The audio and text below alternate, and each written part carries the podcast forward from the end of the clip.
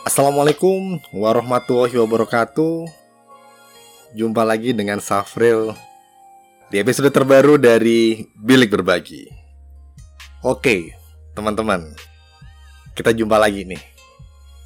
Kali ini saya akan bawa satu topik Yang erat kaitannya dengan kehidupan kita. Erat kaitannya dengan kehidupan semua umat manusia. Jadi, kali ini saya akan bawa teman-teman untuk mendiskusikan tentang topik menyiasati ketidakpastian. Sudah terlalu sering kita mendengar istilah-istilah tentang ketidakpastian. Mulai satu-satunya yang pasti di dunia adalah ketidakpastian, hingga ketidakpastian akan membuat kita jauh lebih baik lagi. Oke, teman-teman, saya punya beberapa cara bagaimana kita bisa menyiasati ketidakpastian. Saya tidak akan bilang bahwa saya akan membawa teman-teman untuk menghilangkan ketidakpastian. Tapi saya akan ajak teman-teman untuk menyiasati ketidakpastian, meminimalkan resiko dari ketidakpastian, dan menikmati ketidakpastian. Oke, yang pertama, jangan pernah tolak ketidakpastian. Percuma, ketidakpastian akan selalu datang. Diminta atau tidak, diharapkan atau tidak, ketidakpastian akan selalu datang. Daripada kita tetap kekeh, tetap bersikeras untuk menolaknya, kenapa kita tidak coba untuk menerimanya?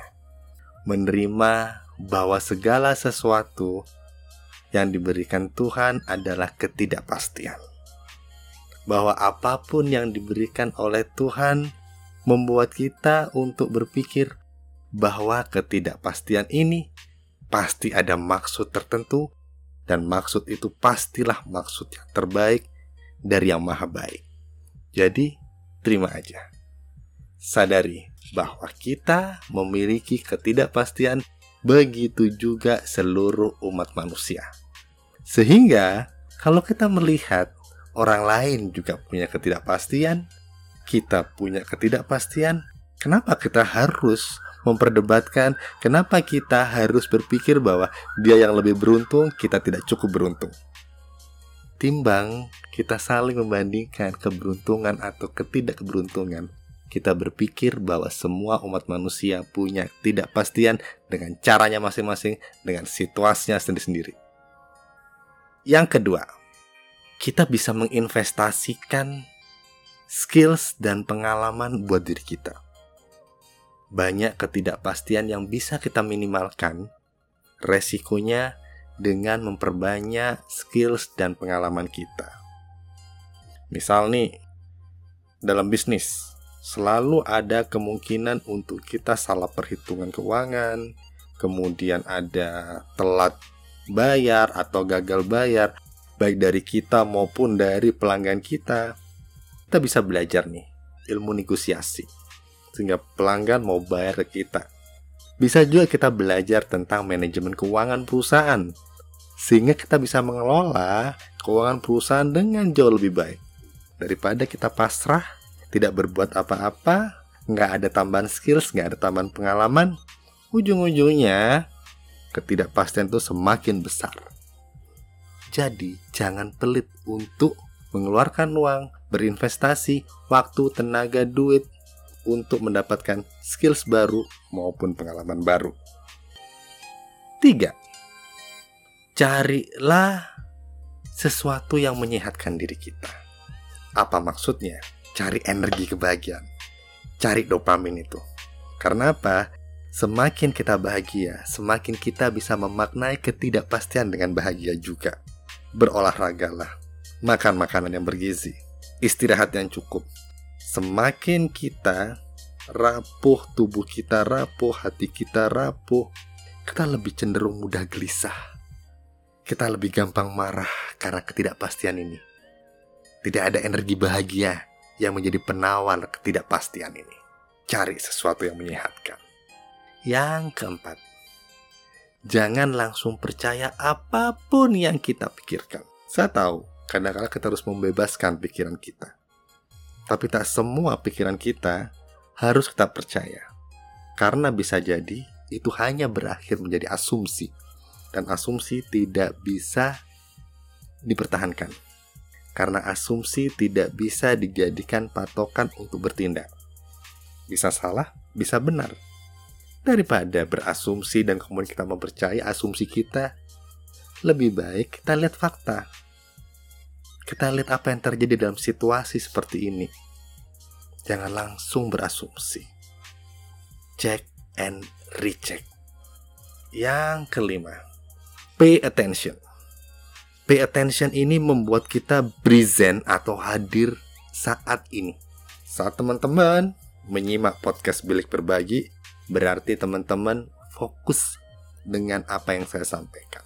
Saat teman-teman ada di kelas perkuliahan fokus dengan dosennya, fokus dengan materinya. Karena kalau teman-teman ada di sebuah situasi dan teman-teman tidak pay attention pada situasi tersebut, pikiran teman-teman akan melayang. Teman-teman akan berangan-angan, teman-teman akan membuat banyak asumsi yang semakin meningkatkan ketidakpastian dan itu ngasih. Nah, jadi teman-teman jangan berpikir bahwa semua orang bisa menolong kita. Satu-satunya orang yang bisa membantu kita adalah diri kita. Buat pertahanan diri. Perkuat pertahanan diri. Agar kita lebih kuat saat ketidakpastian datang. Yang ketujuh, selalu ada makna positif yang bisa kita berikan dalam segala situasi termasuk ketidakpastian. Kalau Tuhan memberikan ketidakpastian, berpikirlah positif. Berikan makna positif agar kita bisa melakukan tindakan positif. Kenapa Tuhan memberikan ketidakpastian buat aku? Agar kita terus bergerak, agar kita terus berdoa, agar kita terus mensyukuri yang kecil-kecil ini.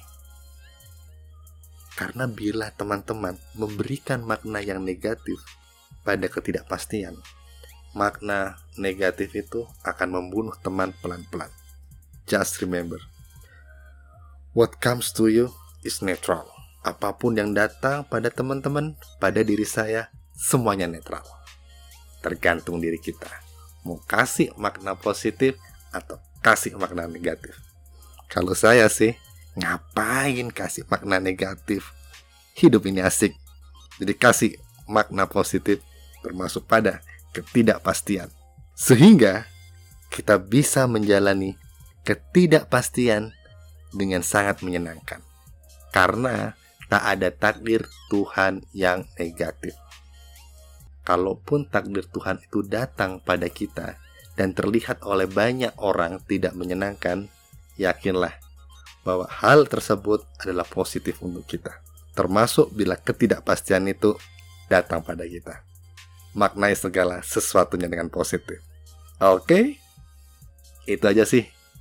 Sampai jumpa di episode berikutnya dari Bilik Berbagi. Wassalamualaikum warahmatullahi wabarakatuh.